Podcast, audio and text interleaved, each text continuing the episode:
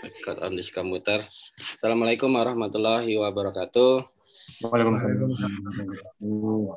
Alhamdulillah alamin. Salam La ilaha illallah Muhammadan abdu wa rasuluh.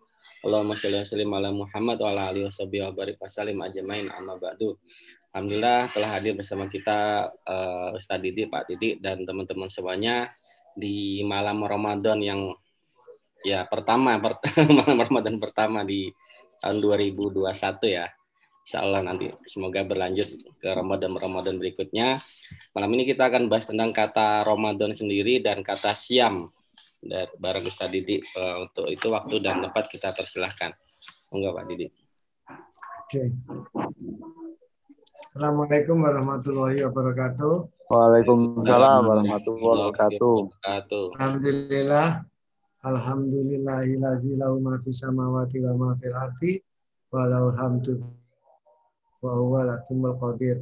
Asyhadu an la ilaha illallah wahdahu la syarikalah wa asyhadu anna Muhammadan abduhu wa rasuluh.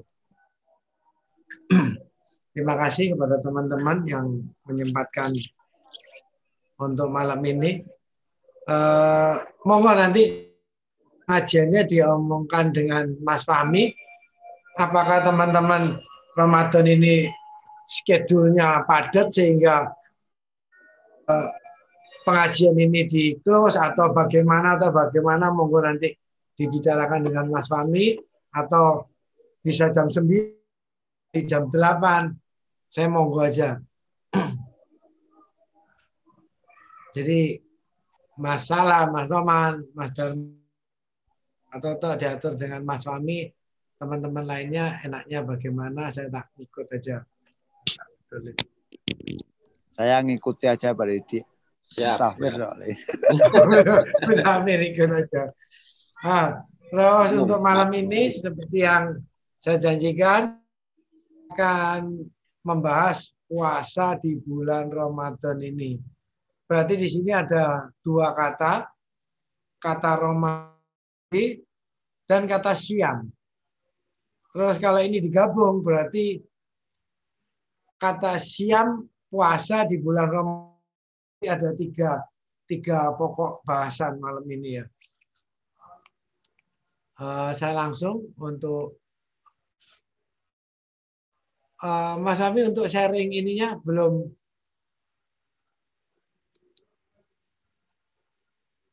sharing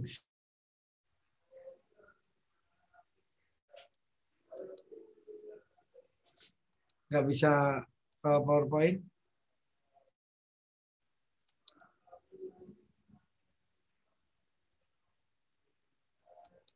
Ah, udah masuk.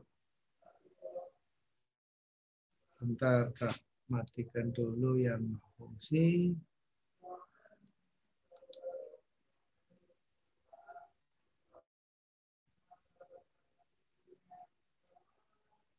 Internet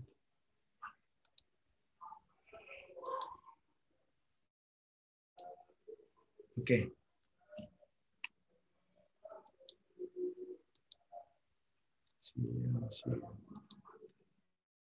Nah, ini.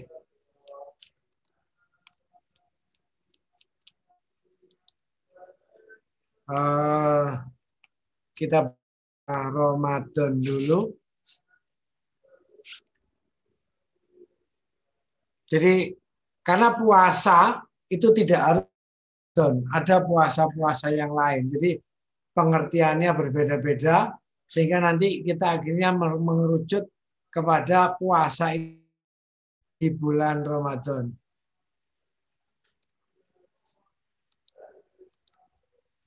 Um, bulan Ramadan ini adalah bulan ke-9 dalam kalender Islam. Di dalamnya ada rukun Islam yang ketiga, yaitu diwajibkan kita puasa di dalamnya juga ada Nuzulul Quran. Bulan Ramadan ada bisa 29 atau 30 hari hilal eh, hadis juga. Terus adanya Lailatul Qadar di malam tersebut. Lalu diterangkan juga kenapa ada rukyat dan ini juga ilmu yang tidak boleh hilang walaupun kita sendiri sudah bisa menghitungnya secara hisap astronomi untuk ilmu perbintangan tetapi kemampuan atau skill untuk melihat bulan hilal itu harus tetap mungkin untuk zaman sekarang kondisi telah stabil aman sehingga kita bisa menghitung berdasarkan.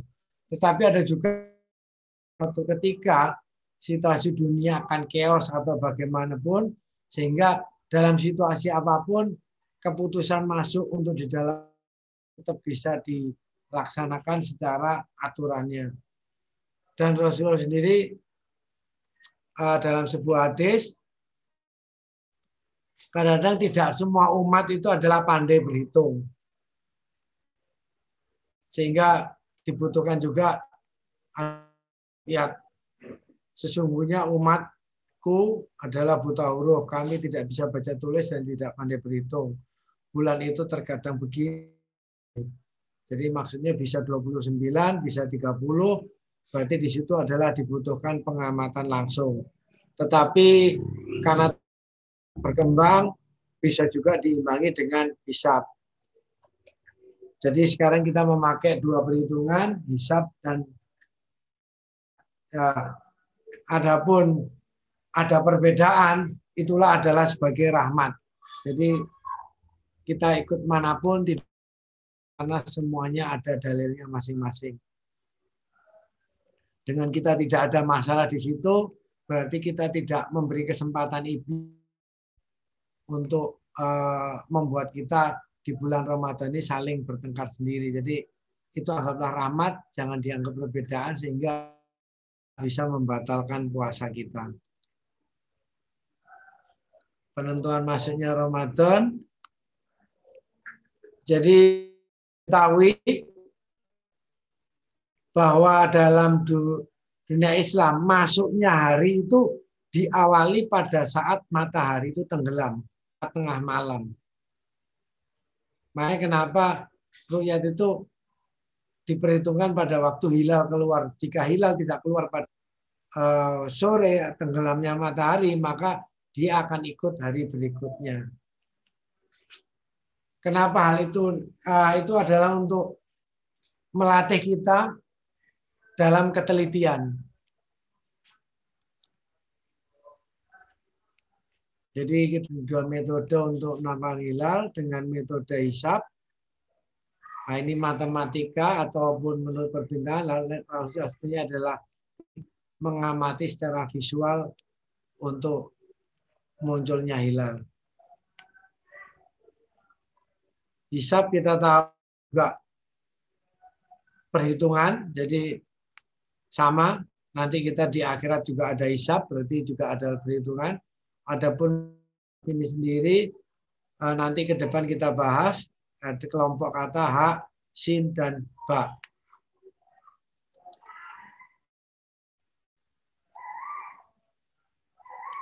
Ini untuk masalah rukyat, ya, saya pikir ini tidak perlu dibahas terlalu mendalam, hanya untuk over. Lalu dari mana kata Ramadan itu? Kita ambil ayatnya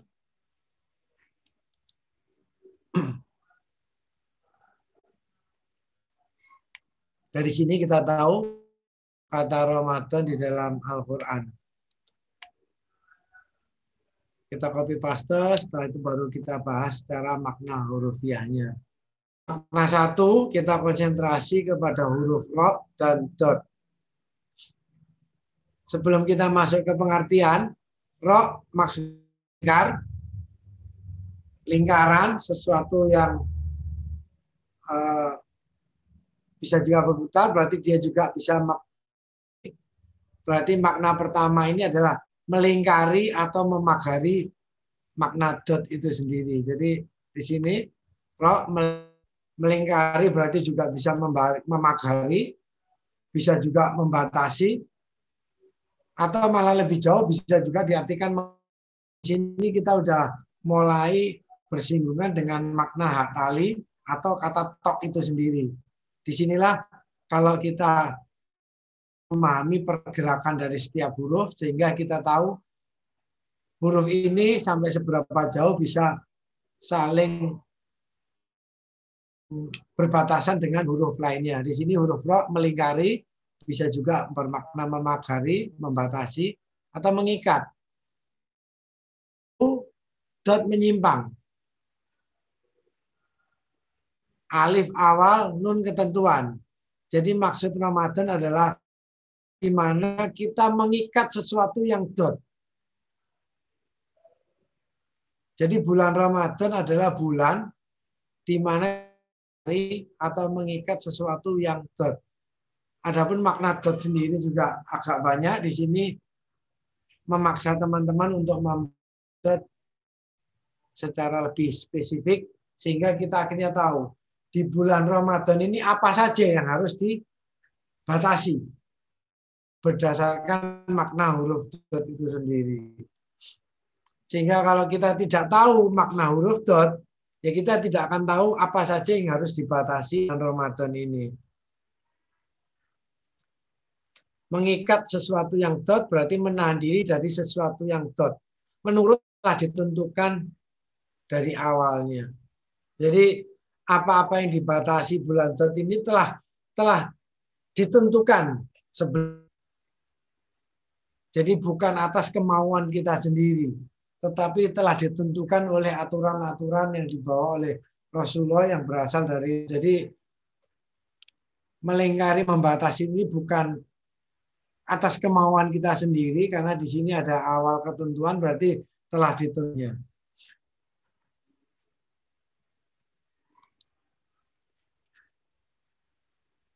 Inilah yang dimaksud dari hadis Rasulullah SAW bersabda, apabila datang bulan Ramadan, dibukalah pintu-pintu surga, ditutup dan belenggu. Maksudnya dibelenggu adalah adalah kewajiban kita sendiri untuk melingkari atau mengikat sesuatu dengan kita mengikat atau membatasi sesuatu yang dot itu sama dengan sebenarnya kita telah membelenggu setan-setan yang ada di dalam tubuh kita atau di sekitar kita. Tetapi ingat teman-teman, awal dalam tim tidak ada paksaan dalam tim. Jadi yang kita batasi, kita lingkari adalah dari lingkungan diri kita sendiri. Terhadap lingkungan atau diri orang lain. Jadi jangan kita membatasi dotnya orang. Yang kita batasi pada waktu Ramadan ini adalah kita sendiri.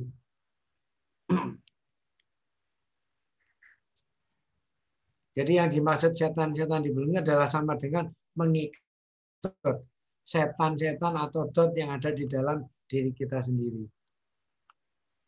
Makna kedua, dot bisa juga berangkan. Jadi Ramadan adalah berbahagianya sesuatu menyenangkan. Tapi menyenangkan bagaimana? Kan yang telah ditentukan mulai awal. Jadi sesuatu yang menyenangkan tetapi menyenangkan menurut aturan-aturan yang telah ditentukan. Jadi Ramadan bisa juga bermakna event yang sesuatunya menyenangkan. Bulan-bulan yang di dalamnya menyenangkan. Itu makna kata dari Ramadan itu sendiri. Jadi makna pertama adalah bulan Ramadan adalah bulan di mana atau membatasi dot. Makna kedua, bulan Ramadan adalah bulan di mana event, setiap acara, setiap apa pun yang di itu terasa menyenangkan.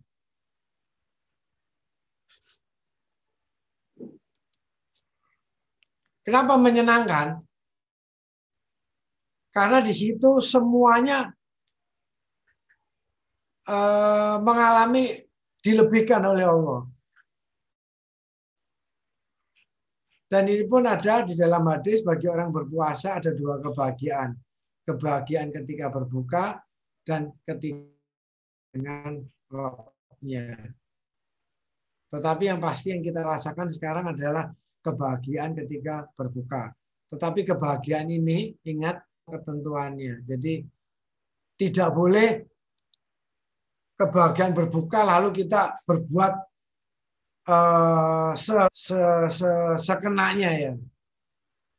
tetapi itu tetap dibatasi.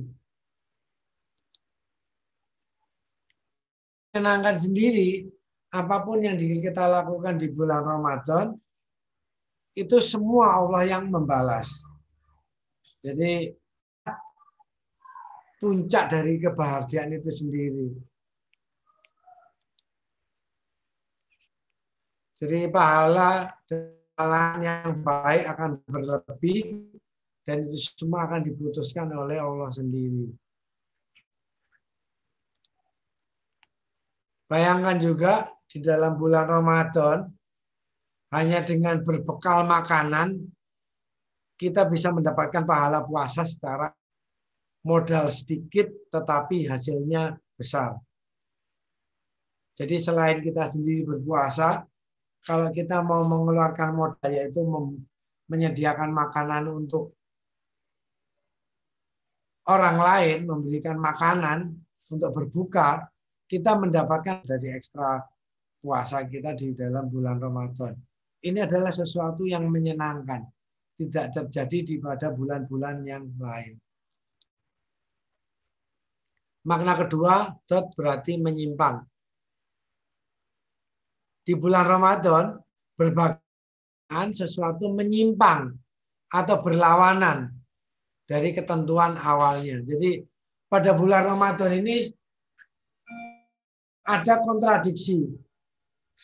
Yang tadinya siang kita bisa makan, ternyata harus dibalik berlawanan. Malam makan. Jadi sesuatu yang menyimpang. Malah kita dianjurkan untuk kiamulail berdiri, mengaktifkan malam hari. Malah sampai saya berpikir, alangkah bahagianya kalau kantor itu siang tutup, malam buka. Jadi kantor-kantor buka mulai jam 7 sampai subuh. Itu itu kalau memungkinkan. Jadi kita malah diwaj uh, untuk untuk aktif di malam hari. Malam yang harusnya kita tidur, ternyata pada bulan Ramadan kita disuruh kiam, suruh maksudnya disuruh aktif pada malam di bulan Ramadan. Di sinilah akhirnya dari pengertian ini banyak hal yang tadinya hari akhirnya saya lakukan di malam hari. Termasuk mempelajari segala sesuatu yang saya inginkan pada nanti Lailatul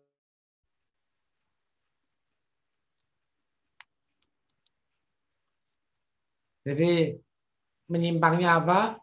Kita aktif di malam hari, sarapan yang jam 7 kita ganti dalam kondisi sahur, makan siang dihentikan, berbuka. Jadi inilah maksudnya Ramadan, di mana pada bulan tersebut sesuatunya menyimpang atau dibolak-balik. Jadi ada tiga makna satu, kita mengikat sesuatu yang dot. Jadi itu diartikan sesuatu yang banyak macam. Berarti pada saat bulan Ramadan kita jangan jangan macam-macam. Kalau dot bermakna menyenangkan, pada saat bulan Ramadan kita ikat. Jangan sampai kita terlalu berfoya-foya, terlalu mengumbar ke tetapi di bulan Ramadan itu sendiri segala sesuatunya menyenangkan. Itu dari ketentuannya Allah. Lalu bulan Ramadan bulan di mana kita berlaku berlawanan dari bulan-bulan yang lainnya.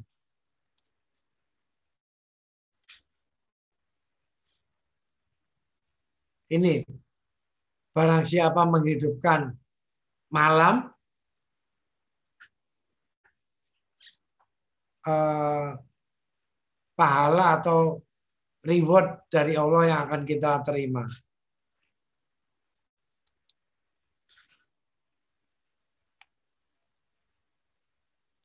Dan apa-apa yang telah ditentukan pada bulan Ramadan ini lakukan.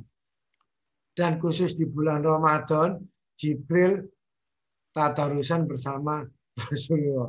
Ini tidak berlaku di bulan lainnya. Dan pada bulan Ramadan, kenapa ini menyenangkan?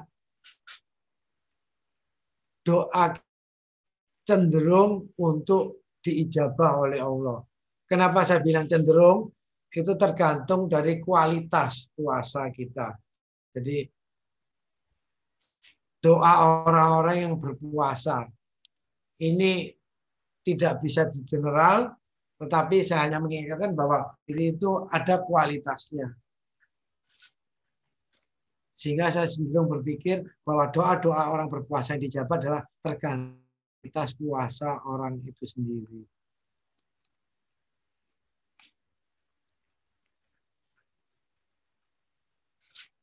Dan ini juga ini sebenarnya saya salah kopi ini harusnya nanti pada pembahasan masalah siam. Jadi tapi ini dari sini. Jadi ini nanti untuk siam bahwa kalau kita lupa terhadap makan dan minum, kita dianggap, uh, dianjurkan untuk tetap melanjutkannya karena itu dianggap dari Allah. Dan ingat, walaupun bulan ini adalah bulan menyenangkan, kita juga tetap dianjurkan untuk tetap mengikat dot, jangan terlalu berfoya-foya, jangan mengumbar kesenangan, karena Rasulullah sendiri memberikan contoh bagaimana cara berbuka yang sederhana. Jadi istilahnya berbuka adalah bukan balas dendam. Justru, justru dianjurkan untuk mengikat dot.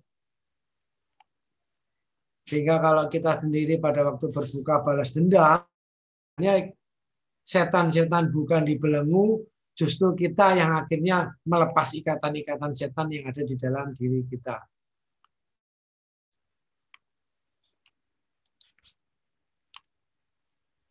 Sekarang kita masuk ke dalam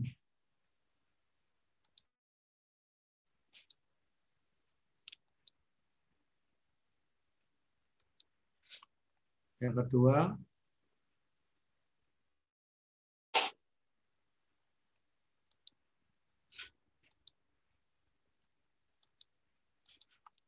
Kita masuk makna kata siam.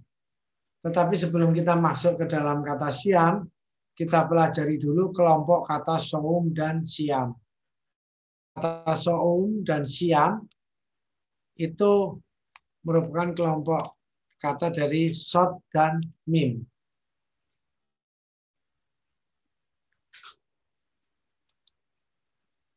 Karena ini kita hanya mempelajari kelompok kata, kita langsung masuk ke dalam pemahaman huruf. Sot berarti tunduk, mim sesuatu. Berarti maksudnya sod dan mim yang membentuk kata siam dan soum, makna dasarnya adalah menundukkan terhadap sesuatu. Jadi kalau orang sudah berkata dia mau siam, berarti dia siap untuk sesuatu.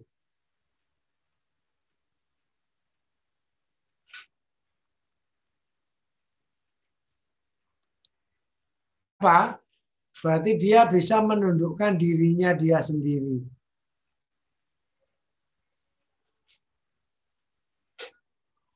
Berarti orang yang saum dan siam harusnya orang yang bisa menahan diri. Karena ini nanti akan dilebarkan lagi makna ini dengan huruf ya pada kata siam. Tapi sebelum kita melebar ke huruf ya kata siam, akan lebih mudah lagi pemahamannya kalau kita sudah maknai kata sod dan mim itu sendiri. Jadi orang yang siap kelompok kata short dan mim itu adalah orang yang bisa kontrol, orang yang bisa menahan diri. Jadi akan dianggap orang yang menganggap dirinya puasa, tetapi dia sendiri tidak bisa menahan dirinya. Jadi orang yang saum, orang yang siam, berarti dia bisa menahan mulutnya, bisa menahan tingkah lakunya, bisa menahan perasaannya. Lalu dia juga bisa menahan, maksudnya dalam arti meminta bendanya. Lalu dia bisa manage juga terhadap lingkungannya. Makna kedua, short berarti tunduk, bisa juga hormat, respect terhadap sesuatu. Jadi dasar dari siam adalah selain dia bisa menahan diri, dia bisa menghormati sesuatu. Jadi orang yang siam, orang yang bisa menghormati orang lain. Bukan dia mati. Ini, ini pandainya iblis dalam membolak-balik aturannya Allah. Dan sebagian besar teman-teman kita sendiri pun ada yang termasuk sehingga pada saat mereka berpuasa bukannya dia menghormati orang lain tetapi dia memaksa orang untuk menghormati dirinya. Ini ini kepandaian iblis dalam hmm, membolak-balik aturan Allah sehingga banyak kita teman-teman kita muslimnya terjebak dari hal ini. Bukannya dia menghormati orang lain, tetapi justru dia memaksa orang lain untuk meng ini sesuatu yang di luar makna kata som itu sendiri.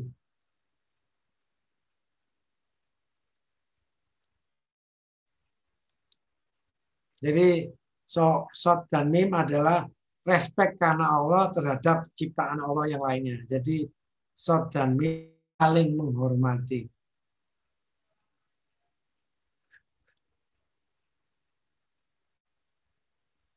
Jadi teman-teman menutup restorannya orang lain, jangan memaksa orang lain untuk berpuasa seperti kita, itu urusan masing-masing. Justru mereka adalah kalau mereka sampai ada, itu bisa meningkatkan pahala dari puasa kita. Berarti kalau kita sanggup menahan diri dari godaan yang ada di sekeliling kita, itu justru bisa meningkatkan pahala dari puasa kita. Shot bisa juga malu terhadap sesuatu. Jadi orang yang berpuasa pasti orang yang punya malu. Dan ingat, malu itu adalah sebagian dari iman. Kalau kita tidak punya malu, boleh dikatakan sebenarnya kita juga tidak punya iman ini korelasi. Jadi action bukan bukan sekedar kata-kata simbolis. Oh, saya berpuasa. Oh, tidak, tidak dilihat dari itu, tetapi dilihat dari action kita sehari-hari. Jadi orang yang berpuasa, walaupun dia tidak berkata-kata, tetapi orang itu punya rasa malu. Jadi dia malu untuk melakukan sesuatu yang melanggar aturannya Allah.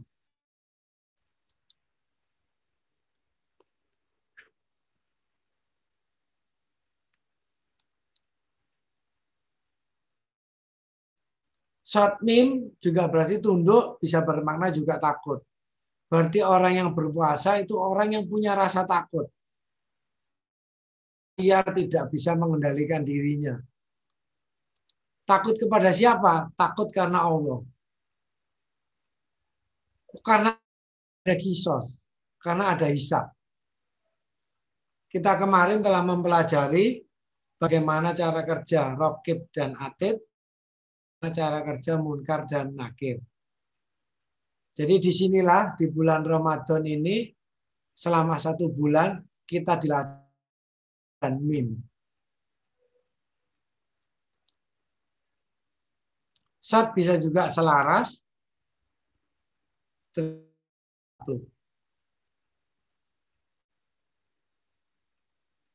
apa maksudnya? Selaras karena Allah berarti kalau selaras kita bisa selaras kepada ciptaan Allah yang lainnya. Jadi orang yang berpuasa justru adalah orang yang paling fleksibel. Orang yang paling pandai menyesuaikan diri. Di mana pun dia hidup, apa pun bentuk lingkungannya, dia bisakan diri. Inilah kehebatan orang yang berpuasa. Kalau kita telah ber, berniat untuk berpuasa, justru kita orang menjadi orang yang paling fleksibel, menjadi pandai dalam menyelesaikan diri kita. Jadi bukannya orang-orang dipaksa untuk sesuai dengan diri kita, Tapi diri kita yang harus bisa menyesuaikan kondisi orang lain. Walaupun kita hidup di barat, di dunia barat, mereka minum minuman keras, mereka makan sesuatu yang mungkin hal, bukan memaksa mereka untuk menyesuaikan terhadap diri kita, tetapi kita fleksibel terhadap kondisi yang ada. Aturan-aturan Allah tetap bisa kita lakukan tanpa memaksa orang lain. Ini yang paling sulit. Tetapi hanya paling tinggi. Jadi orang berpuasa orang yang siap untuk bertempur dengan dirinya sendiri. Bukan bertempur dengan orang lain. Karena di sini kita adalah berpuasa adalah kita berdealing dengan tok nun, baik dengan butun maupun batin kita.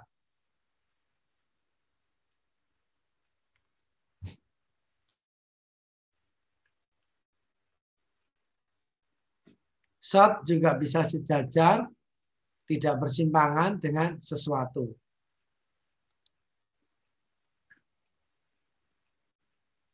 Shot berarti kalau kita ini masalah, ini berarti maknanya sejajar, tidak bersimpangan.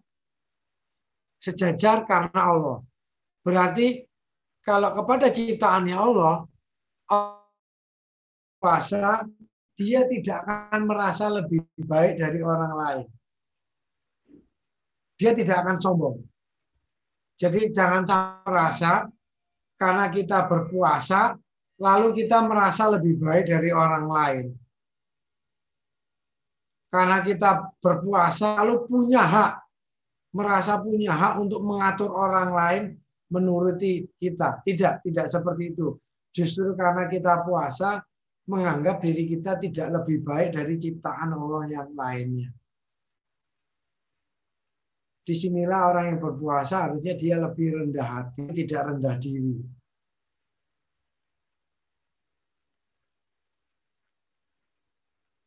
Tetapi banyak kita lihat di lapangan, kan, bagaimana orang yang mengaku dirinya berpuasa, lalu dia merasa dirinya lebih baik dari orang lain tidak semena-mena terhadap orang yang tidak berpuasa. Ini ini sangat kontradiktif dengan aturan puasa itu sendiri. Sejajar juga bisa berdampingan. Jadi orang yang berpuasa bisa ciptaan Allah yang lainnya. Jadi orang yang berpuasa justru orang yang saling mengalah, tidak menimbulkan konflik. Jadi justru di bulan Ramadan inilah kita dilatih selama satu untuk bisa mengalah, untuk bisa tidak menimbulkan konflik. Sehingga kita bisa menjadi orang yang soleh. Puncak dari kesolehan adalah islah, mendamaikan. Bukan malah menimbulkan konflik. Tetapi ingat, walaupun bulan puasa sendiri, bulan Ramadan, iblis tidak akan tinggal diam. Tergantung kemampuan mana kita mengikat dot yang ada di dalam diri kita. Ada dua bentuk sot dan mim, kata siam dan kata saum. Kita sekarang lebih konsentrasi kepada kata siam karena kita Ramadan.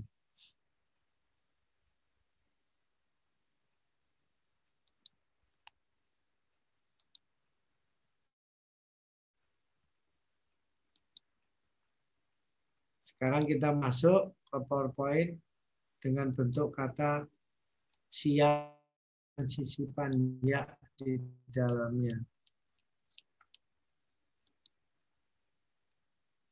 Kalau kita tadi telah mempelajari short dan mim, sekarang bagaimana kalau short dan mim itu disisipi dengan huruf biak. Berarti berlatih untuk mengenal pergerakan dari huruf-huruf di dalam sebuah kata. Short dan mim banyak belajar. Lalu sekarang kita bagaimana jika sod dan mim di sisi kata ya, bagaimana pergerakan kata tersebut. Kata siam, ada ayat di Al-Baqarah 183.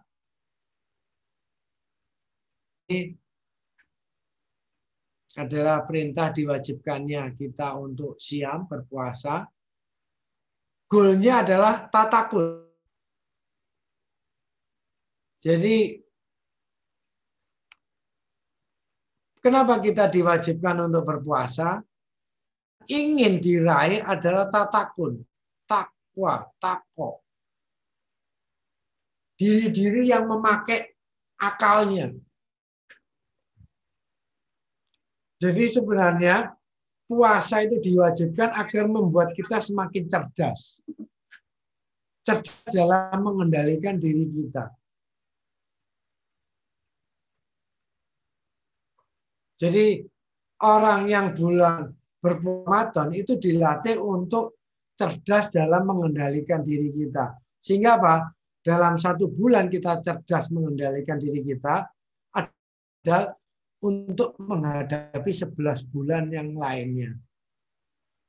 Jadi kalau dalam bulan Ramadan sendiri kita sudah liar, tinggal diri kita, saya nggak bisa membayangkan bagaimana 11 bulan yang lainnya justru kita semakin uncontrol terhadap Jadi di sinilah kecerdasan yang ingin diraih, diwajibkannya kita ber menggunakan kof kita.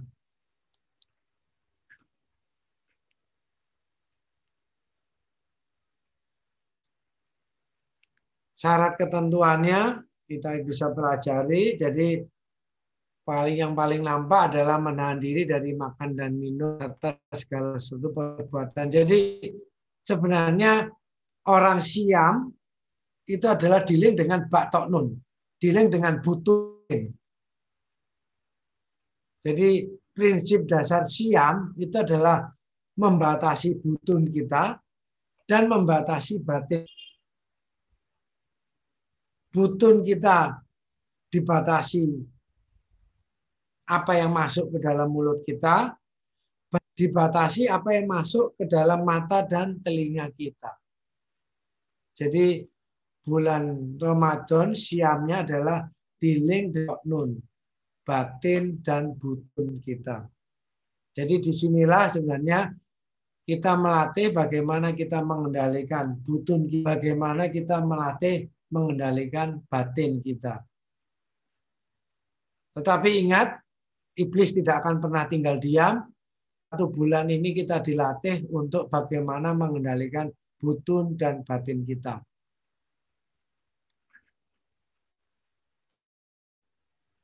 Ini syarat-syarat lainnya sama aja, jadi tetap kita beragama, udah bla bla bla lainnya teman-teman bisa pelajari eh, di dalam buku-buku yang banyak beredar. Ini yang akan saya tanamkan ke teman-teman. Ada rukso, ada di sinilah kadang-kadang jebakan iblis, jebakan Batman, saya istilahnya, berlaku. Saya menyarankan kepada teman-teman, jika ada rukso yang telah dikeluarkan Allah melalui utusan, tolong itu dilaksanakan. Walaupun sebenarnya secara kenyataan diri kita kuat untuk melaksanakannya. Tetapi hati-hati kita akan masuk ke dalam kategori orang yang sombong. Semacam seperti ini. Kita menghadap kepada seseorang, misalkan pejabat atau presiden Terus kita diberi project mereka. Oh ya, misalkan Pak Mas Fahmi, saya buat contoh. Mas Fahmi menghadap ke presiden atau ke bupati atau ke orang penting. Oh Mas Fahmi, saya ingin mengasih Mas Fahmi sesuatu atau gampangnya project. Pokoknya Mas Fahmi berkata ke orang itu, oh maaf Pak, uang saya sudah banyak, saya nggak butuh proyek dari Bapak. Kira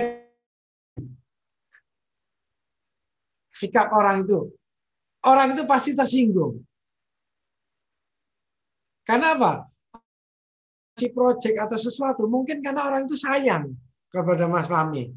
Tetapi kalau kita menjawab dengan oh enggak, oh maaf Pak, saya sudah mencukupi proyek itu. Mohon proyek itu Bapak berikan kepada orang lain. Ini sebenarnya mungkin niatnya baik. Tetapi adab yang tidak bagus. Jadi antara niat baik tetapi outputnya kurang bagus juga akhirnya menghasilkan sesuatu yang kurang bagus. Begitu juga ya Allah. Ruksa dari Rasulullah. Tolong itu dilaksanakan walaupun sebenarnya kita kuat melaksanakan perintah yang tanpa ruksa. Dan ini pun sudah terjadi penentangan pada saat Rasulullah dulu, di mana pada saat Rasulullah memberitahukan bagaimana seorang musafir itu dapat rukso keringanan mengenai sholatnya, tetapi ada di antara orang-orang yang di sekitar Rasulullah, berarti saya nggak bilang itu sahabat, karena kalau seorang sahabat biasanya dia tidak menentang perkataan sahabat lainnya, kata Rasulullah, mereka membantah, tidak mau melaksanakan ruksa yang diberikan Rasulullah dengan alasan apa? Takut kepada Allah. Jawab ketakutan mereka. Takut mana kamu dengan aku? Berarti dengan dia berkata semacam itu, mereka menganggap Rasulullah takut kepada Allah. Karena apa? Berani meringankan suatu perintah yang telah dibebankan Allah kepada inilah Walaupun kita kuat, sholat empat rakaat, tetapi kalau itu sudah rukso keringan dari Allah, laksanakan. Pahalanya bertambah. Nah ini aja saran secara analogi di situ. Jadi sesuatu keringan yang diberikan Allah, tolong sehingga pahalanya justru kita dapat double-double. Satu ringan di dunia, kedua karena kita melakukan apa untuk memperingan sesuatu, kita akhirnya justru mendapatkan pahala double. Begitu juga dengan siam ini. Jadi pernah ada kejadian Rasulullah melihat sesuatu dikerubungi oleh banyak. Lalu menjawab, kenapa dia? Mereka menjawab orang seseorang yang berpuasa. Lalu Rasulullah menjawab, tak ada kebaikan kalian dalam keadaan sabar. Jadi kalau memang kita harus berpergian dan itu tidak bisa ditunda, justru kita telah mendapatkan ringanan, batalkan saja puasa itu. Kalau memang berpergian tertunda, berarti itu sudah merupakan takdir Allah. Tetapi lain lagi masalahnya kalau kita tidak ingin berpuasa, lalu pura-pura mencari alasan untuk berpergian. Ini beda. Jadi di sini adalah sesuatu yang telah ditakdirkan Allah, kita tidak bisa menolak perjalanan. Entah itu karena tugas kantor atau tugas sesuatu yang memang tidak bisa kita tolak. Yang dimaksud di situ. Tetapi lain masalahnya kalau kita mencari-cari alasan sehingga kita bisa pergi lalu membatalkan puasa kita. Itu yang dimaksud. Jadi kalau kita sudah berniat itu pun, rokib atid akan tahu dan kita justru nanti akan dibantai oleh munkar nakir kubur kita. Jadi jangan coba-coba mempermainkan hukum-hukum Allah dengan niat yang lain. Kita kemarin telah mempelajari bagaimana atid dan munkar nakir dalam bekerja. Jadi itu sembari balik ke niat kita. Jadi ada rukso, kita berpergian lalu kita merasa kesusahan karena puasa kita. Ingat ayat kemarin. Rokib atid bukan karena kekuatan. Oh hebat kamu. Karena berpergian kamu tetap berpuasa. Bukan pujian yang diterima. Dan pertanyaan yang malah kita terima dari Rokib dan Atid. Begitu juga sebaliknya. Kita cari-cari alasan untuk berpergian agar kita tidak ber bukannya malah dipuji munkar dan nakir, tetapi justru kita dibantai oleh munkar dan nakir. Jadi jangan lupa bahwa niat kita benar-benar telah ditulis rokib dan atid, dan itu nanti akan ditindaklanjuti oleh munkar dan nakir. Bagi yang tetap nekat, silakan saja. Mau berpuasa boleh, mau tidak, monggo. Tetapi saya sarankan kalau ada ruksoh dari lakukanlah dengan senang hati. Bukan karena kita kuat, tetapi karena kita harus menampakkan kesenangan terhadap keringanan yang telah diberi kita. Jangan sok. Ini adalah sikap yang tawadu, sikap seorang hamba terhadap penciptanya. Kalau penciptanya udah ngomong, kamu saya kasih keringanan. Puasa ini berat. Jangan sok kuat di dalam di, di depan nikmati keringanan tersebut. Sehingga apa? Pencipta kita akan senang kepada kita, akan ridho kepada kita.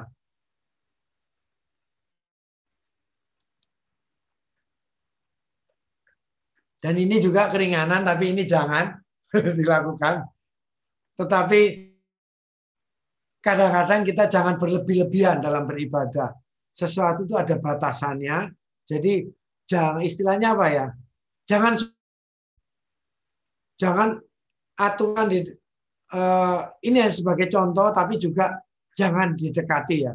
Tapi sehingga tapi kalau sepanjang ini pun sehingga apa? Saya hanya memberitakan di sini bahwa orang berpuasa kita bisa bertindak sebagai orang normal tetapi dengan aturan-aturan yang telah ditentukan oleh Allah. Selama kita tidak melanggar aturan tersebut, tidak masalah. Tetapi juga jangan mencari-cari markara kalau memang kita tidak kuat. Nah, ini juga balik kepada diri kita. Juga ini adalah banyak hadis-hadis semacam ini ditegur Rasul. Kenapa? umat ini terlalu banyak berbantah-bantahan.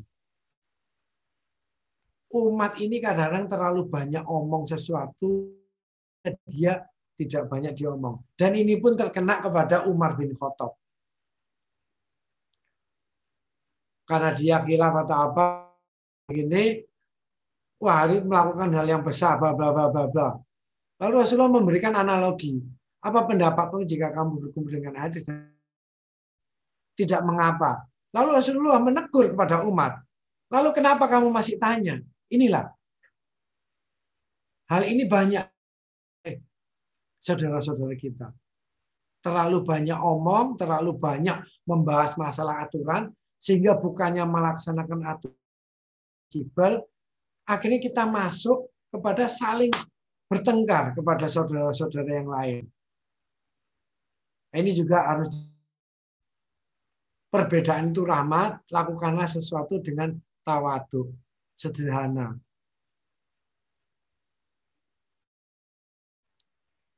Lalu kita masuk sekarang kepada pengertian huruf dari kata siam.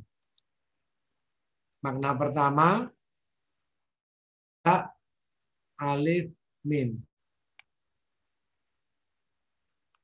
Berarti ya di sini bisa gelombang, bisa jolak. Berarti orang yang siam adalah orang yang menundukkan gejolak menurut aturan yang telah ditentukan.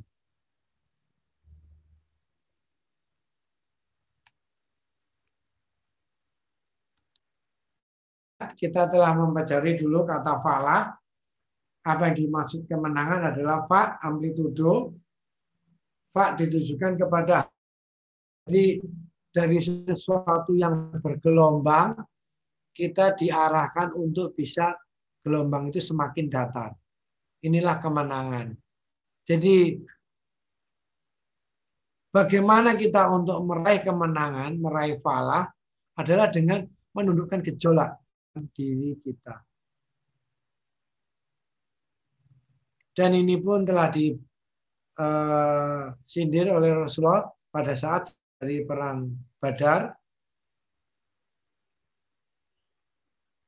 Justru perang Badar yang sedemikian hebatnya oleh Rasulullah dianggap ada pertempuran yang lebih besar lagi yaitu bertempur dengan diri kita sendiri. Jadi orang yang siam adalah orang yang belajar menundukkan dirinya dia sendiri. Menundukkan gejolak yang ada di dalam dirinya dia. Sehingga kalau dia sudah bisa menundukkan gejolak, itulah berarti puasanya dia, siamnya dia telah berhasil. Bagaimana meneliti keberhasilan siam seseorang? Lihatlah pada waktu Idul Fitri. Apakah dia tetap berlebihan atau dia sederhana? Kalau dia sederhana dalam Idul Fitri, masuk ke bulan Syawal, berarti siamnya dia telah berhasil. Dia masih berlebih-lebihan pada waktu Idul Fitri, berarti siamnya dia boleh dikatakan sebagian besar telah gagal. Atau dalam harian, kalau kita melihat apakah puasa siam orang itu hari itu berhasil atau tidak pada waktu dia berbuka.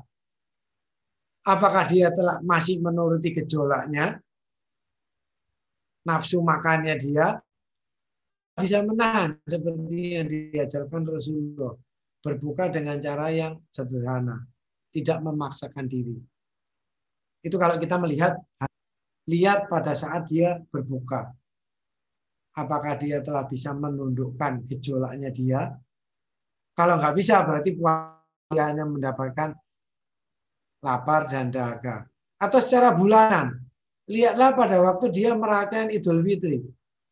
Apakah dia ber... atau bisa sederhana? Atau kita bisa lihat satu tahun. Bagaimana keberhasilan siamnya di bulan Ramadan apakah dia bisa menghadapi bulan-bulan lainnya setelah dia belajar satu bulan untuk menundukkan dirinya dia. Jadi makna perintah kita berpuasa siang adalah untuk menenangkan fak kita, minimalisir gejolak, menahan nafs menjadi tenang. Kita berlatih untuk hal ini. Selamat Harusnya hari kedua lebih baik dari hari pertama, hari ketiga lebih baik hari kedua, dan kita sekarang apa berarti harusnya kita jauh lebih baik menahan gejolak kita daripada sebelum Ramadan kemarin.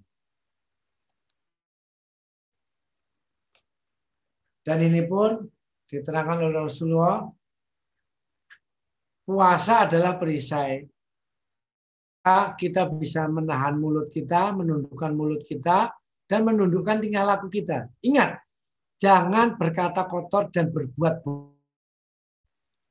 Berarti di sini adalah orang berpuasa itu bisa menundukkan mulutnya. Orang berpuasa bukan tingkah lakunya. Orang yang siam, orang bisa menundukkan tingkah lakunya. Jadi orang yang siam, orang yang bisa menghindari perbuatan yang bodoh. Bisa menahan mulutnya dari kata-kata kotor. Dan ingat, bisa menahan apabila ada orang lain yang memerangi atau mencacinya, hendaklah dia katakan, aku sedang sial. Bukan malah meladeninya. Ini pun kalau dicaci. Tetapi justru ada kejadian aneh nggak dicaci, nggak diperangi, tapi kita justru memerangi orang lain. Apa? Kita memaksa orang lain untuk menghormati kita. Kita memaksa restoran atau apa menutup. Mereka tutup kita. Padahal mereka nggak memerangi kita, mereka nggak mencaci kita. Justru kita yang membuka front. Saya nggak tahu bagaimana siam orang-orang Justru orang-orang yang siam adalah orang-orang yang menahan diri untuk tidak berkata-kata kotor. Jadi kata-katanya dia harus enggak harus diam dan tidak dia tidak berbuat yang bodoh. Dan yang paling penting secara batin dirinya. Sehingga kalau ada orang lain konfrontasi terhadap dia, ingat konfrontasi terhadap kita, memancing masing-masing kita diperbolehkan berkata, aku sedang berpuasa. Jadi ingat, kalau orang lain memancing-mancing kita perkara. Berarti jangan sampai justru kita yang memancing orang lain untuk konfrontasi.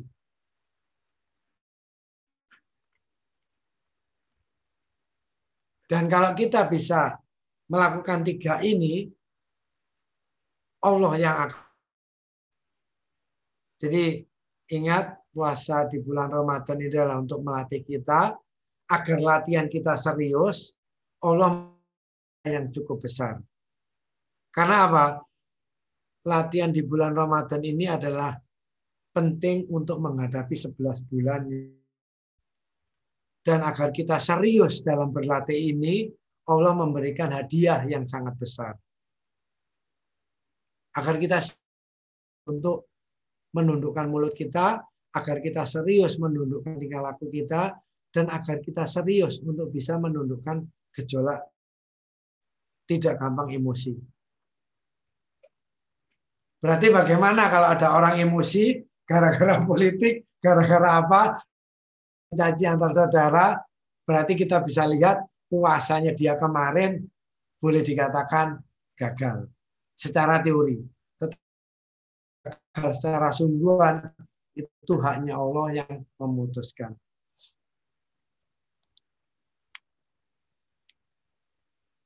Kan konfrontasi dan kita tidak boleh juga terpancing konfrontasi, berarti kebencian kita, hawa nafsu kita bisa kita kontrol.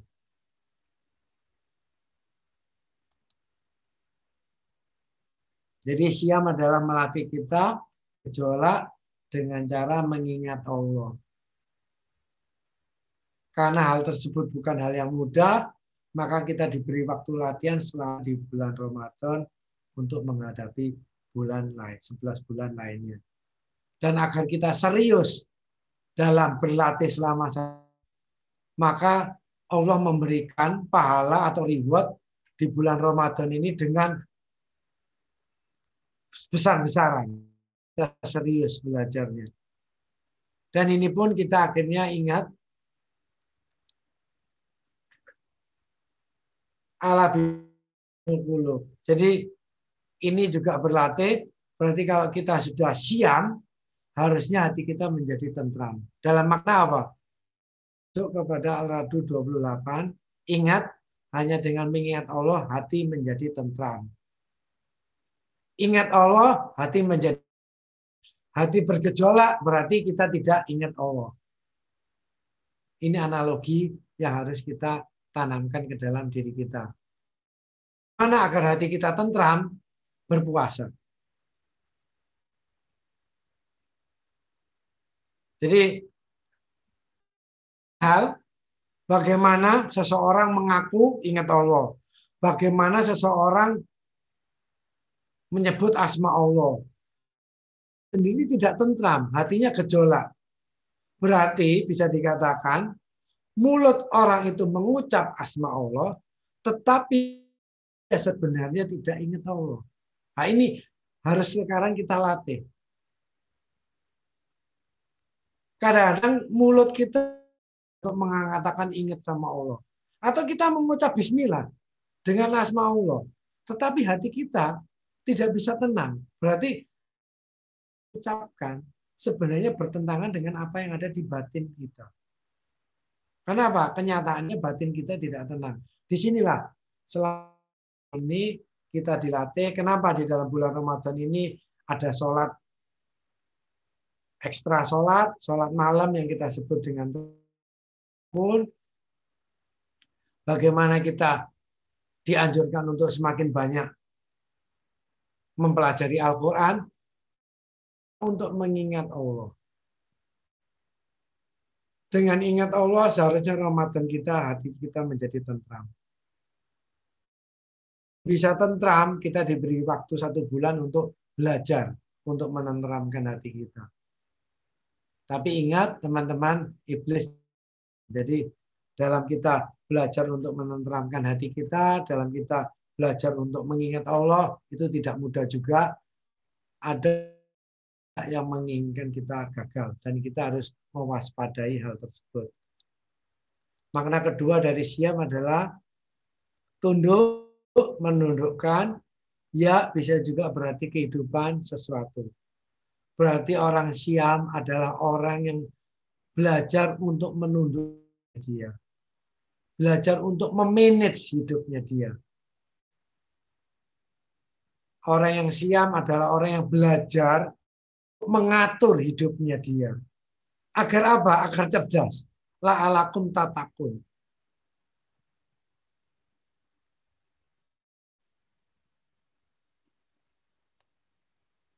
Jadi orang yang siam adalah orang yang belajar agar hidupnya tidak hidup. Kecil, lahir, dikasih makan, besar mencari makan, akan lalu mati. Bukan itu yang diinginkan oleh Allah.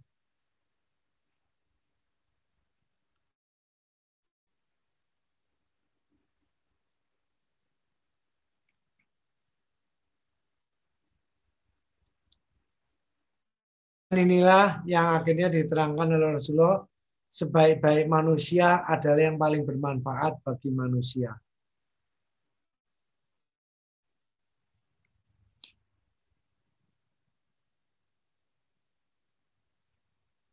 Khairunas anfa'uhum linas. Sebaik-baik manusia yang paling bermanfaat untuk manusia. Jadi kita adalah melatih kita untuk bagaimana kita mengatur kehidupan kita. Kenapa kita bisa bermanfaat untuk orang lain? Sehingga alangkah bagusnya juga dalam bulan Ramadan ini, dalam puasa saat ini, kita mereview diri kita. Karena kita harus tatakun. Diri yang koh, bercermin. Apa ikan, manfaat apa dari diri kita yang telah kita berikan kepada orang lain? Tadabur. Tak diri, tak menunjuk ke belakang terhadap berbagai hal yang kita lakukan. Jadi bulan Ramadan ini adalah bagus untuk tadabur, melihat ke belakang. Sampai seberapa jauh manfaat kita terhadap manusia yang lain. Kalau kita masih nilainya sedikit dalam memberikan manfaat ke orang lain, tolong diperhatikan bagaimana nanti akan. Ingat di sini tidak termasuk peribadatan kita. Karena peribadatan kita, sholat kita, puasa kita.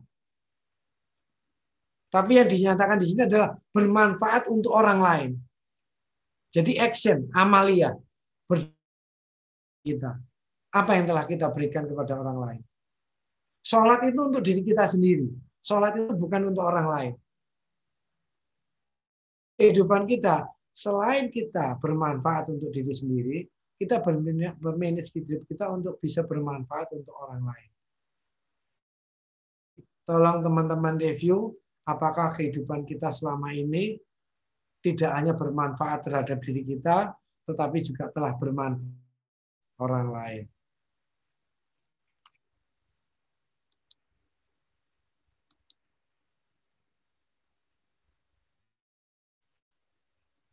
Jadi Al-Quran ini memberikan petunjuk dan memberikan kabar gembira untuk orang beriman yang telah mengerjakan soleh. Amal yang membawa kedamaian. Dan bahwa bagi mereka ada pahala yang besar. Dan ini kita berlatih untuk bisa mencapai hal-hal seperti ini. Ini nanti makna ketiga siam, shot, tunduk, tunduk bisa juga berarti respect, ya kehidupan sesuatu. Berarti orang yang siam adalah orang yang menghargai kehidupan. Kalau orang yang siam dia menghargai kehidupan, dia tidak membunuh sesuatu, dia tidak mencela sesuatu. Jadi bagaimana kita melihat keberhasilan siam seseorang, lihatlah tingkah lakunya. Apakah dia menghormati kehidupan? Apakah dia menahan diri untuk tidak mencela ciptaannya Allah? Atau justru dia malah seenaknya saja membunuh makhluknya Allah yang lain? Atau dia seenaknya mencela ciptaannya Allah yang lain? Di situlah kita bisa melihat bagaimana kualitas siam dari seseorang. Ini seseorang nanti akan timbul dari akhlaknya dia. Kalau siamnya dia berhasil, maka akhlaknya dia juga akan. Tapi kalau siamnya dia gagal, akhlaknya dia juga bisa dikatakan juga akan gagal. Jadi orang yang siam adalah orang yang menghargai, tidak membunuh sesuatu, tidak mencela sesuatu.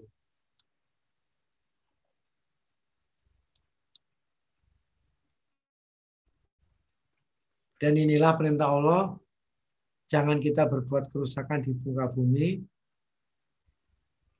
terhadap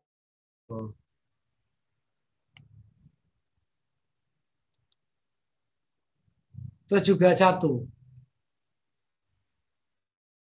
menghargai kehidupan, janganlah kamu membunuh dirimu. Apa? Sesungguhnya Allah Maha Penyayang. Lalu bagaimana kalau ada pertanyaan? Loh Pak Didi ngebom kemarin dengan membunuh dirinya. Itu urusannya dia nanti dengan munkar dan nakir. Tetapi jangan kita membunuh diri kita. Jadi di sinilah bagaimana membimbing kita dalam memahami Al-Quran. Ilmu membimbing kita dalam memahami ayat-ayat Allah. Janganlah janganlah semangat kita dalam beragama tanpa disertai ilmu. Sehingga apa? Begitu kita bersemangat tidak disertai dengan ilmu, sehingga kita salah mengartikan ayat-ayat Allah dan kita salah mengambil keputusan sehingga kita justru akan Jadi kita ingat Allah sangat sayang kepada diri kita. Dan kalau kita berpuasa, jangan mudah kita membunuh. Jangan mudah kita untuk mencela. Pikirkan baik-baik secara jangka panjang.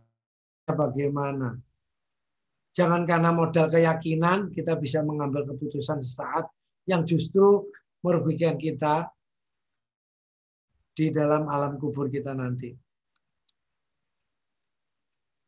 Dan barang siapa yang memelihara kehidupan seseorang, maka seorang memelihara kehidupan manusia semuanya.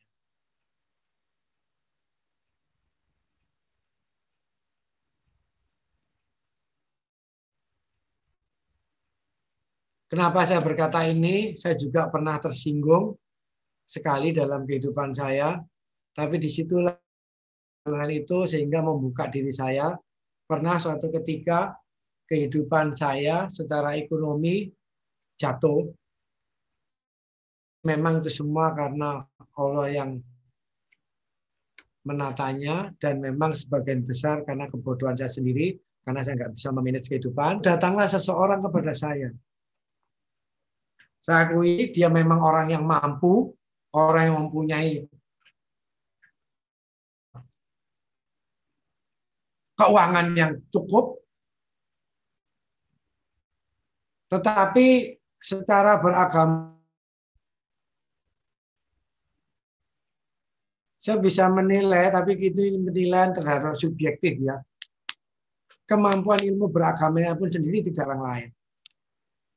Tetapi yang saya sumberan, yang saya katakan dengan dia, Pak Didik daripada kehidupan Pak Didik susah, bagaimana kalau saya modali Pak Didik untuk berangkat bertempur? Lalu saya balik, kenapa diri kamu sendiri? Lalu di situ akhirnya kita masuk ke roda perbantahan, karena diperintahkan untuk tidak justru orang yang punya ilmu Di Al-Quran disebutkan, justru orang yang mencari ilmu, kalau bisa jangan berangkat bertempur, karena dia tapi orang-orang yang kurang ilmunya justru yang bertempur. Nah ini dibalik. Saya lagi belajar untuk mencari ilmunya Allah, dan karena dia di takdir Allah untuk kaya, dia memaksa orang lain untuk berangkat mati. Tapi dirinya dia sendiri tidak mau mati. Nah inilah hati-hati teman permainan-permainan semacam ini itu sangat mudah. Sehingga sekarang teman-teman bayangkan seseorang yang bersemangat lalu kehidupan ekonominya lagi kacau, otomatis otaknya dia lagi tidak bisa ke mana-mana, datang seorang menawar Berangkat aja ke akhirat, dipercepat. Bukannya memperbaiki kehidupan seseorang, tetapi menit mencuci otak seseorang untuk berangkat mati. Jadi sebenarnya dia tidak menyelesaikan masalah, tetapi justru dia menjerum untuk menemui masalah. Masalah terhadap siapa? Masalah kepada munkar dan nakir. belajar ayat kemarin menjadi malaikat, bagaimana orang tersebut di hadapan muka nakir. Aku adalah orang yang didolimi di dunia. Lalu bantahannya, si munkar, bantahannya. Kenapa kamu tidak hijrah? Kenapa kita tidak berusaha? Lalu kita membunuh. Jadi akhirnya karena saya telah membaca ayat itu, bahwa apa yang ditawarkan orang itu kepada saya itu bukan solusi itu malah menjerumuskan diri saya untuk alam kubur saya. Lah, inilah hati-hati teman-teman membentuk kita untuk menghargai kehidupan. Berjuang di jalan Allah memang bagus dan itu memang perintah. Tetapi tolong kaji secara matang. Jangan karena emosional, jangan karena ilmu kita terbatas lalu kita mengambil secara sepihak sehingga akhirnya apa? merugikan diri kita sendiri dan membuat buruk agama Allah. Karena tidak bisa terkontrol sehingga akhirnya apa? Kita membuat buruk nama agama Allah.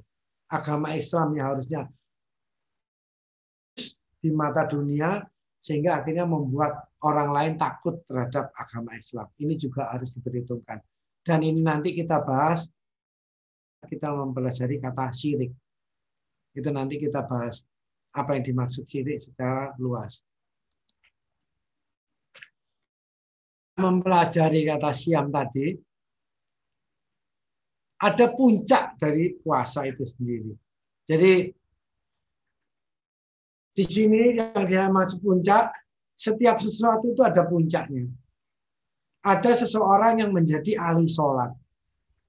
Yang sholat adalah dia telah melakukan puasa juga, dia melakukan zakat juga, dan dia haji kalau dia, tetapi dia melakukan sholat melebihi dari orang-orang yang lainnya. Boleh dikatakan berarti dia begitu juga di dalam puasa. Ada ahli puasa. Dia tetap melakukan sholat, zakat, dia juga haji kalau mampu, tetapi dia melakukan puasa melebihi kapasitas orang-orang yang lainnya. Tetapi di antara ahli sholat, ahli puasa, ahli sedekah, tidak boleh saling mencela. Iblis bermain. Bagaimana seorang ahli sholat bisa mencela seorang ahli puasa. Bagaimana dia bisa mencela seorang ahli Bagaimana seorang ahli puasa bisa mencela seorang ahli sholat. Atau dia bisa mencela seorang ahli sedekah. Begitu juga seorang ahli sedekah mencela. Nah ini yang harus kita tahan dari mulut kita dan kelakuan kita. Tetapi di sini saya ingin menunjukkan bahwa ada sebuah puncak yang ahli puasa. Yaitu sorga yang dinamakan Aryan, Arayan. Sungguhnya di surga ada pintu yang dinamakan Arayan. Yang akan dimasuki hanya oleh orang-orang ahli puasa. Dikatakan mana orang-orang yang ahli puasa, maka mereka berdiri dan tidak ada yang memasukinya seorang pun. Jadi inilah tawaran Allah terhadap orang-orang yang memang benar-benar serius. Tetapi itu memang tidak mudah, teman-teman. Bagaimana kita bisa menundukkan gejolak diri kita, bagaimana kita bisa menghargai bagaimana kita bisa menghargai, menghormati orang lain, bagaimana kita bisa menahan tingkah laku kita untuk tidak menimbulkan gejolak. Kalau kita bisa melampaui apa-apa yang diwajibkan dalam puasa tadi, ada sebuah pintu, yaitu pintu arayan. Lalu saya nggak bisa membayangkan bagaimana kalau sholat kita bagus, puasa kita bagus. Berarti di akhirat nanti kita bisa memilih pintu. Kita bisa memilih pintu khusus untuk seorang yang sholat. Lalu kita bisa juga memilih pintu khusus untuk orang-orang ahli sholat.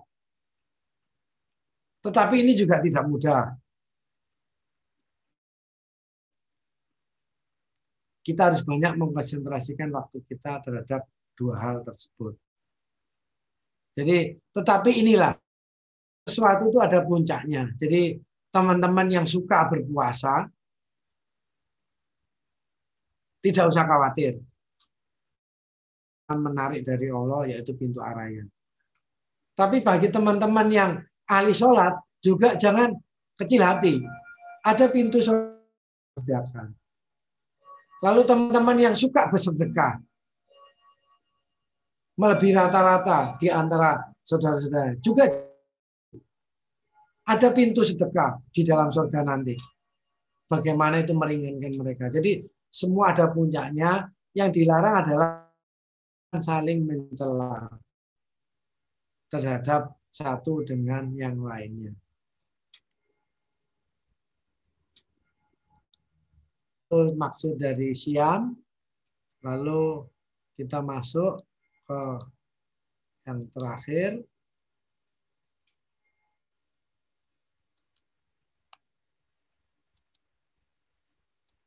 Berarti kita sekarang masuk kepada gabungan. Sekarang kita menggabungkan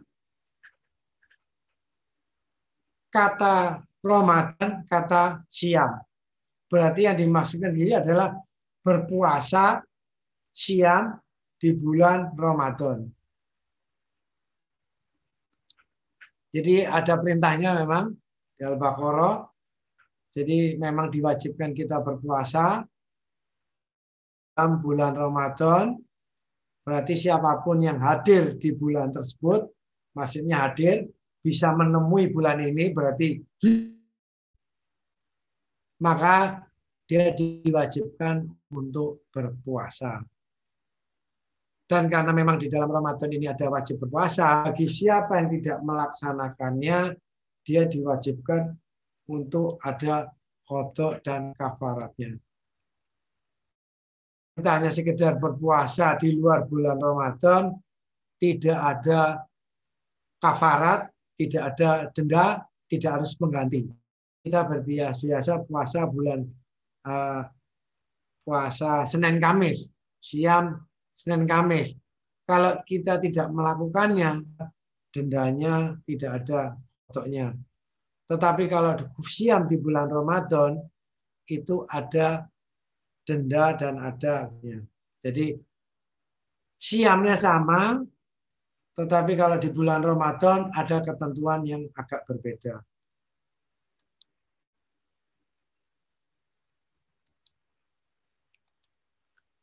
Jadi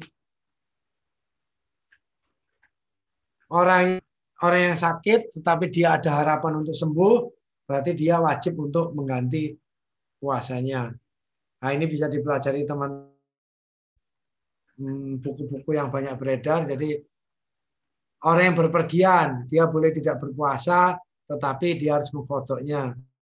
Orang yang mungkin hamil, menyusui anak, ini boleh.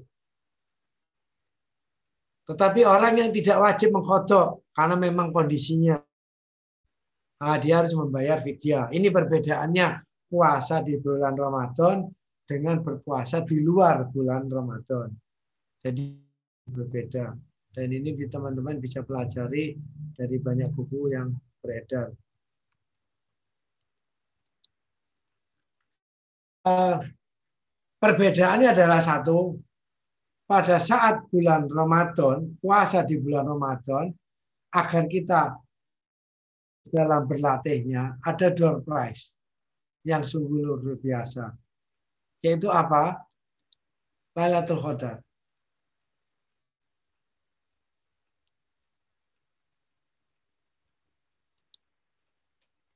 Jadi pada bulan Ramadan ini satu malam yang telah disediakan Allah yang dimuliakan oleh Allah.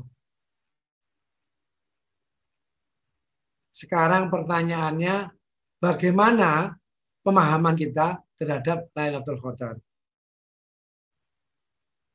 Dan apakah kamu tahu apa itu Lailatul Qadar? Berarti Al-Quran menanyakan kita, sampai seberapa dalam kita mengenai Lailatul Qadar.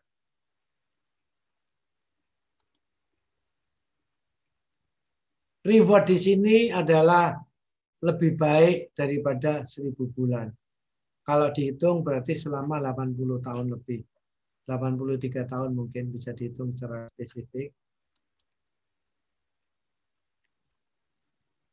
Dan di situ ada bonding antara malaikat dan ruh izin Allah untuk segala urusan. Jadi segala sesuatunya yang berabung aman bisa dimintakan door prize-nya pada Lailatul Qadar.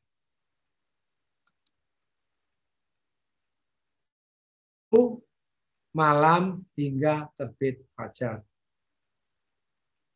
Jadi kenapa ini diadakan pada bulan Ramadan dalam dalam dan pada kondisi kita siam? Di sini juga merupakan tuntunan kita bisa berinteraksi dengan makhluk Allah yang lainnya. Dalam hal ini adalah dalam kondisi tubuh kita bersih. Yang dimaksud tubuh kita bersih atau suci adalah berarti kontrol batin dan butun kita secara benar. Jadi kalau batin kalau kita sudah bisa memanage batin dan butun kita secara benar, maka kita akan mendapatkan door prize pada Lailatul Qadar. Kapankah malam Lailatul Qadar itu datang? Itu juga merupakan pembelajaran tersendiri. Kita melihat tanda-tanda langit, kita bisa melihat suhu, kelembapan, kita juga bisa melihat tanda-tanda suara kita itu eksternal. Dan yang paling pasti kita bisa melihat hal itu semua kalau batin dan butun kita ditata secara bagus. Maka kita akan bisa mendapatkan door prize yang kita inginkan. Itu juga bisa persentase terhadap bagaimana kita bisa memanage batin dan butun kita. Kita 100% dari 1000 bulan, kita bisa mendapatkan 80% dari 1000 bulan, atau kita bisa mendapatkan 50% bulan, atau 10% dari 1000 bulan. Itu tergantung kualitas kita dalam memanage batin dan butun kita. Jadi eh, pemahaman itu yang harus kita sadari. Kalau pemahaman kita sudah cukup tinggi, maka semoga kita nanti menikmati malam Lailatul Qadar. Dan ingat teman-teman, malam Lailatul Qadar secara hadis 60% itu ada 21 ke atas, 40 persennya itu bisa dimulai pada satu Ramadan hingga 10 Sawal. Dan tapi bagi teman-teman yang memang berniat untuk mendapatkannya, karena ini proyek besar, proyek yang sebesar juga dibutuhkan modal yang besar. Jadi tergantung bagaimana teman-teman siap untuk menghadapinya. Bila taufik wal. Wassalamualaikum warahmatullahi wabarakatuh. Waalaikumsalam warahmatullahi wabarakatuh. Alhamdulillah, Makasih banyak Ustaz Didi, Pak Didi atas kajiannya terkait kata Ramadan dan kata siam. Yang terakhir tadi kita juga uh, ada door press dari Ramadan ini yaitu malam Lailatul Qadar. Oke, okay. uh, mungkin teman-teman tadi sudah punya catatan tersendiri ya dari kata Ramadan dan siam tadi. Uh, sekarang kita meng menginjak ke apa itu namanya pertanyaan sisi tanya jawab. Teman-teman semuanya apa kabar nih? Udah pada ngantuk belum nih? Pak Wawan, Pak Rahman, atau Pak Adila, Mas Adila ya.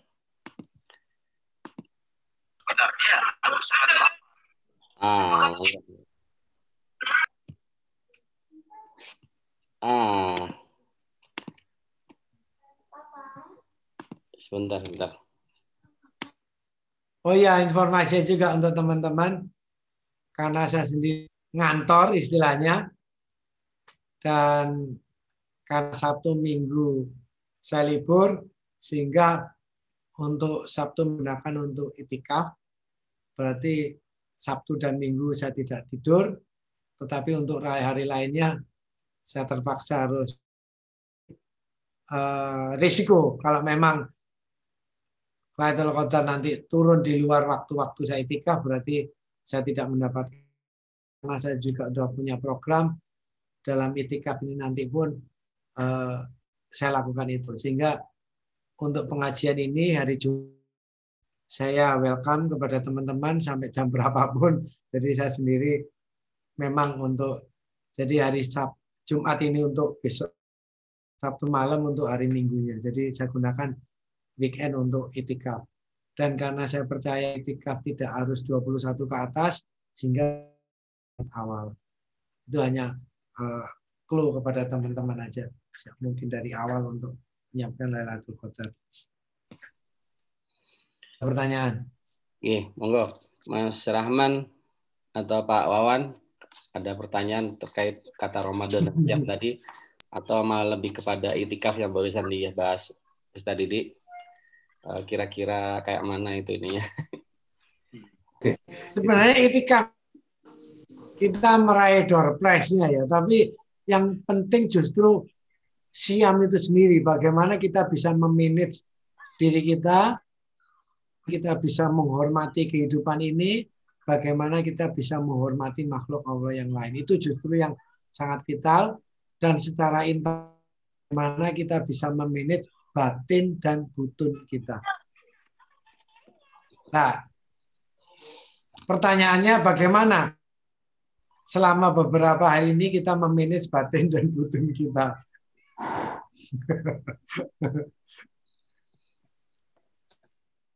Teman-teman bagaimana pengalamannya? setelah beberapa hari ini? Halangan apa aja pada saat kita belajar untuk memanage kebablasan nggak kayaknya Pak Didi?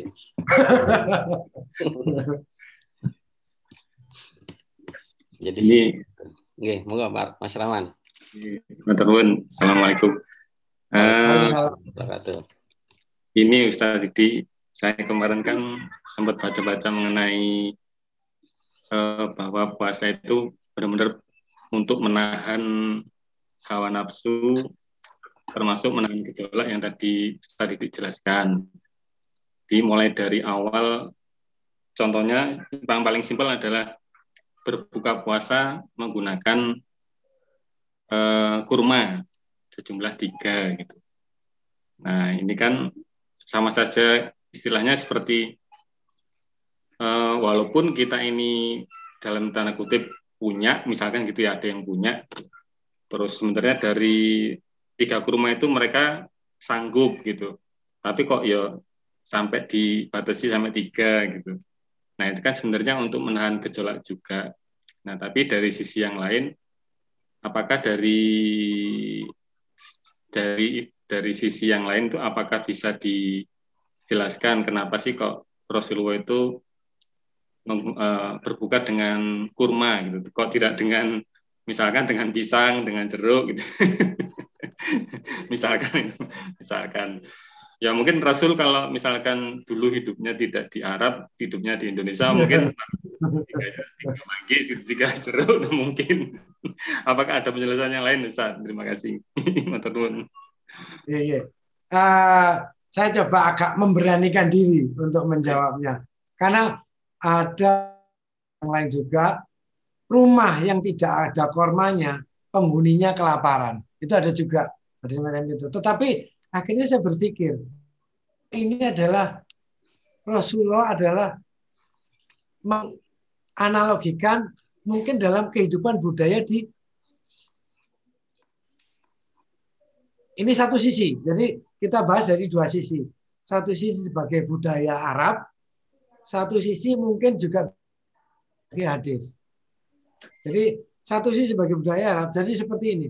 Kita memahami uh, dagang.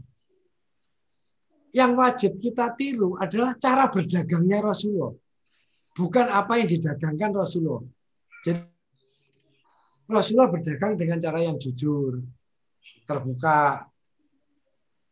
Tapi apakah kalau Rasulullah itu berdagang apakah seluruh umat Islam semuanya harus berdagang korma? Kan tidak. Nah, ini ini adalah Eh, kecerdasan kita dalam memahami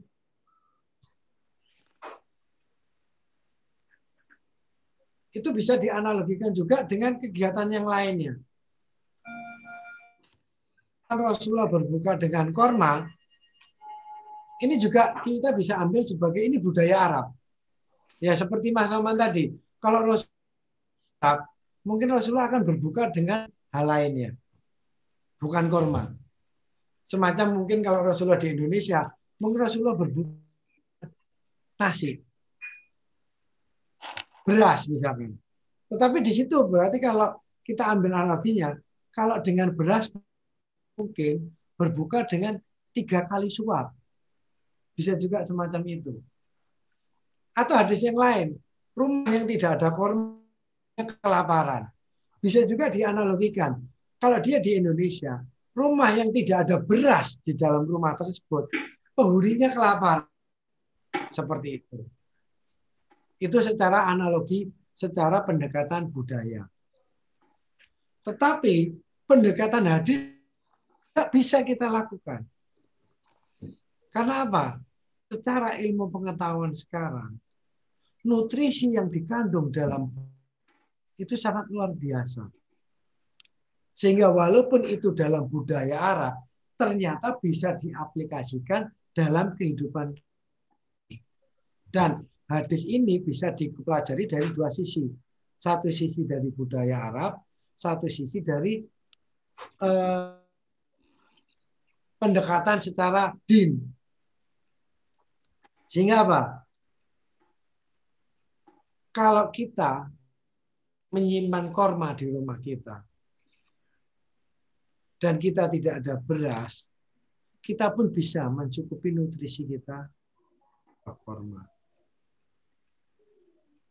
Di bulan Ramadan kita berbuka, dalam sehari kita membutuhkan mineral setelah berpuasa, itu bisa diimbangi dengan nutrisi yang ada di dalam buah korma. Lah, berarti dua-duanya ada. Tetapi kita juga nggak bisa mencela orang lain, loh kok nggak berbuka dengan korma, berarti nggak afdol berbuka kamu juga. Karena di dalam perintahnya Al-Quran, ya insan perhatikanlah makananmu. Berarti kalau kita disuruh memperhatikan makanan, jika Rasulullah telah memberikan contoh, berarti kita harus mempelajari apa yang dicontohkan Rasulullah, kita cari semuanya. Jadi ada apa di dalam korma? Harus tiga. Nah, satu sisi ada apa di dalam korma? Oh, dalam korma ternyata mineral, mangaan, kalsium, banyak sekali di dalam korma. Oh, berarti ini layak untuk dijadikan sesuatu berbuka setelah sehari kita berpuasa. Tapi berapa jumlahnya? Oh ternyata cuma tiga. Kita memandang boleh dari jumlah, boleh dari akidah, akhlak. Oh, berarti Rasulullah dalam berbuka tidak berlebihan. Secara akidah, oh berarti kalau kita berbuka nasi atau kolak atau apa pun juga jangan berlebihan. Di situ kita ambil ilmunya. Kita berbuka dengan korma tiga. Tapi semuanya juga habis itu setelah kita makan. Sama saja. Balas dendam yang terjadi. Jadi, di sinilah kecerdasan ilmu mendampingi kita dalam beragama, Mas Rahman. Jadi, seperti ini, beragama akhirnya menjadi dengan ilmu mendampingi kita, beragama akhirnya menjadikan sesuatu yang menyenangkan buat pada saat kita ingin mempelajari budaya Rasulullah, kita bisa membeli kurma. Pada saat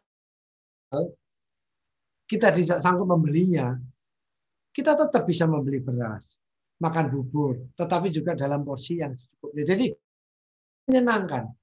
Tergantung bagaimana kondisi, bagaimana Allah mentakdirkan rezeki kita.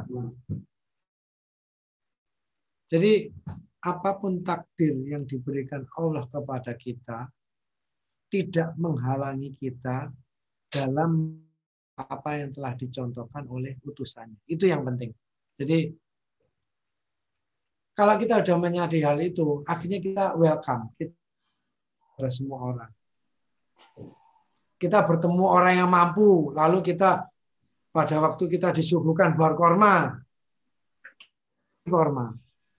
Bukan berkata, waduh, kok, kok harapan, kenapa kita harus berbuka? Lah, kita tidak akan mengucapkan itu. Kenapa? Kita mensyukur.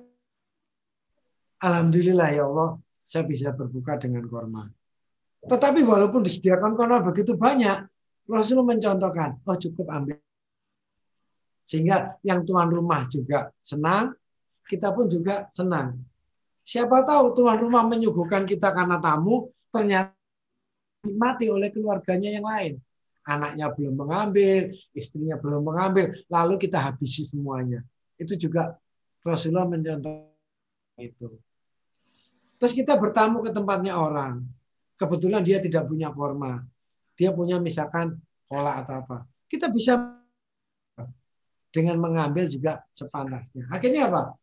Siam yang harusnya kita menghormati orang benar teraplikasi. Mas Roman tadi pelajari kan, so tunduk menundukkan, sejajar, mim sesuatu. Kita bisa fleksibel terhadap segala sesuatu. Berbuka dengan korma ya, berbuka dengan halnya ya. Tidak apa yang kita pelajari, berbukalah dengan sederhana. Itu yang paling penting di dalam tim. Karena Allah diutus itu untuk menyempurnakan akhlak. Akhlak tidak berhubungan dengan makanan. Kita, kita bisa makan beras, tetapi akhlak adalah bagaimana kita cara menghadapi kita, cara menghadapi beras dan semuanya secara akhlak harus sepantasnya, sederhana. Itu saja. Jadi di situ intinya, Mas boleh kurma, boleh beras, boleh apa pun. Tetapi inti dari itu semua adalah akhlak Rasulullah. Berbukalah dengan dan itu menunjukkan kualitas puasa kita hari itu. Jadi itu Mas Mas Rahman, clear ya? Iya, terima kasih. Clear. Oh. Terima kasih. Jadi tadi ada takaran. Puasa kita hari ini ditentukan oleh Lalu puasa-puasa puasa satu bulan nanti ditentukan bagaimana kita mengisi Idul Fitri. Nah ini akan kita lihat bagaimana kita menghadapi 11 bulan lainnya. Ramadan sederhana.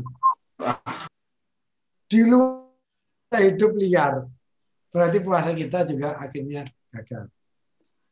Jadi satu bulan ini adalah untuk menghadapi 11 lainnya. Gitu Mas Roman. Oke, terima kasih Ustaz. Oke. Monggo teman-teman, Pak Dermawan, Pak Wawan, Pak Toto, mungkin ada yang mau ditanyakan tentang Pak Toto mungkin. Siam, Pak Toto. Pak Adila. Posisi di mana ini Pak Toto ini? Di kos-kosan. Di Malang, di Blitar, atau di mana Pak Toto? Kosan. di kos di kos-kosan. Pak Didi. Di kos-kosan. Di Banyuwangi atau di mana, Pak? Oh, di kos-kosan. Tuban, Tuban, Tuban, Tuban. berarti. Oh, Di Tuban. Ya, selamat. Selamat bekerja. Masih jadi anak kos, Pak Didi. ya. ya, tanggung jawab sebagai kepala keluarga. Iya. Jadi Bang Toyib jarang pulang.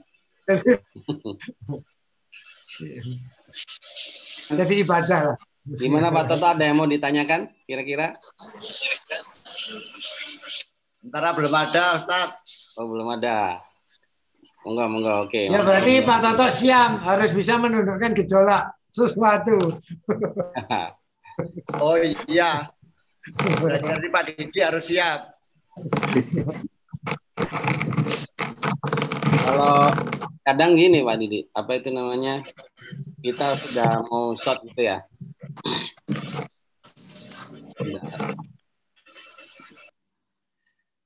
Kadang kita sudah mau, misal kata Siam tadi kan shot itu kan pengen menundukkan diri kita sendiri.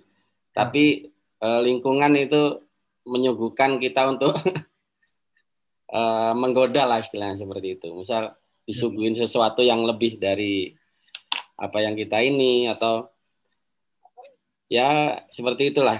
Misal, loh kok tahu-tahu ada banyak makanan ini eh, dari istri atau dari apa eh, pengen A, B, C dan segala macamnya itu. kalau nggak di kalau nggak dimakan nanti eh, situ marah atau gimana gitu kan. Tapi kalau dimakan akhirnya ya mungkin pelan-pelan gitu ya atau harus selarasnya ini gimana itu cara mengaturnya itu. Itu tergantung ke kaum ya. Mungkin Tergantung. pihak istri sendiri juga ingin ya Ya, menyediakan sesuatu yang layak bergizi untuk keluarga. Karena Iya. itu juga concern dari seorang ibu ya.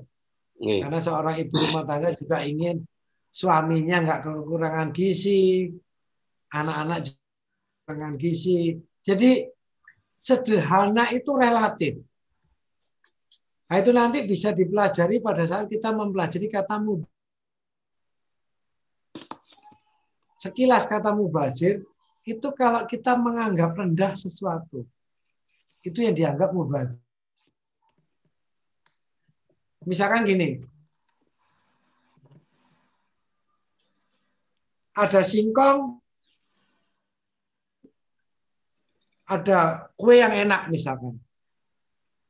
Lalu kita menganggap rendah singkongnya. Oh alah, nggak hanya murah, ini aja yang mahal yang kita makan. Itulah mubazir.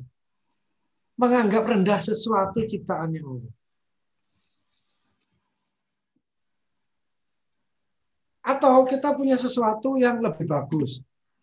Lalu kita berkata buruk terhadap sesuatu yang kita udah nggak butuhkan. Itu mubazir, menganggap rendah.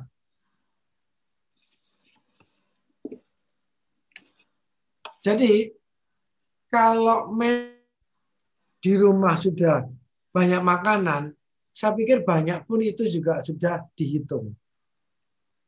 Tetapi yang adalah kalau sampai kita memaksakan diri sehingga itu melampaui dari kekuatan yang telah diberikan Allah kepada kita. Jadi ingat teman-teman, eh, akhlak menuntun kita untuk sepantasnya. Nah, bagaimana tingkat kepantasan sesuatu itu relatif. Tetapi contoh berbukanya Rasulullah, kenapa tiga korma, itu bukan lalu kita makan lainnya, bukan. Tetapi dalam jangka berbuka, perut kita kosong dalam kondisi sehari, jangan langsung diisi penuh. Itu intinya, Mas Fahmi. Jadi bukan terus tiga korma kita nggak boleh makan lainnya, tapi tuntunan keilmuan di sini adalah Kami bayangkan dalam sehari kita kosong, lalu kita makan korma satu piring penuh. Istilah di Jawa itu apa? Sunduan ya. Jadi perut kita akan akan akan langsung terasa perih sakit ya. Jadi karena sayang terhadap kita, jangan sampai puasa kita sehari terus berbuka lalu kita kesakitan. Itu tuntunan dalam berbuka. Atau cukup sekedar air. Agar perut kita juga eh, kalau saya sendiri saya tidak bisa makan banyak pada waktu berbuka. Itu tadi kendalanya. Perut saya lemah, pasti sakit. Saya sendiri biasanya makan yang penting buka, lalu ada terisi, malam setelah semua kembali kepada normal, baru saya makan istilahnya makan berat. Nasi oh ya seperti makan biasa. Sehingga apa? Perut saya sudah bisa menerima udah dalam bukan dalam kondisi kosong asam lambung yang tidak pada tempatnya karena memang kita sehari kita menahan. Apalagi melihat sesuatu berbuka yang menggiurkan otomatis asam lambung kita Lalu kalau itu di nggak di manage itu akan membuat kita justru malah sakit. Itu. Tetapi di lain yang berbuka itu adalah tergantung kemampuan kita dan bagaimana memahami kesederhanaan itu relatif tergantung dari niat kita. Tetapi yang pasti seorang ibu rumah tangga akan menyesuaikan anggaran dan kondisi. Jadi kalau memang anggarannya cukup, apa salahnya? Sesuatu yang bergizi untuk suami dan anak-anak. Tetapi kalau anggaran tidak cukup, jangan memaksakan diri.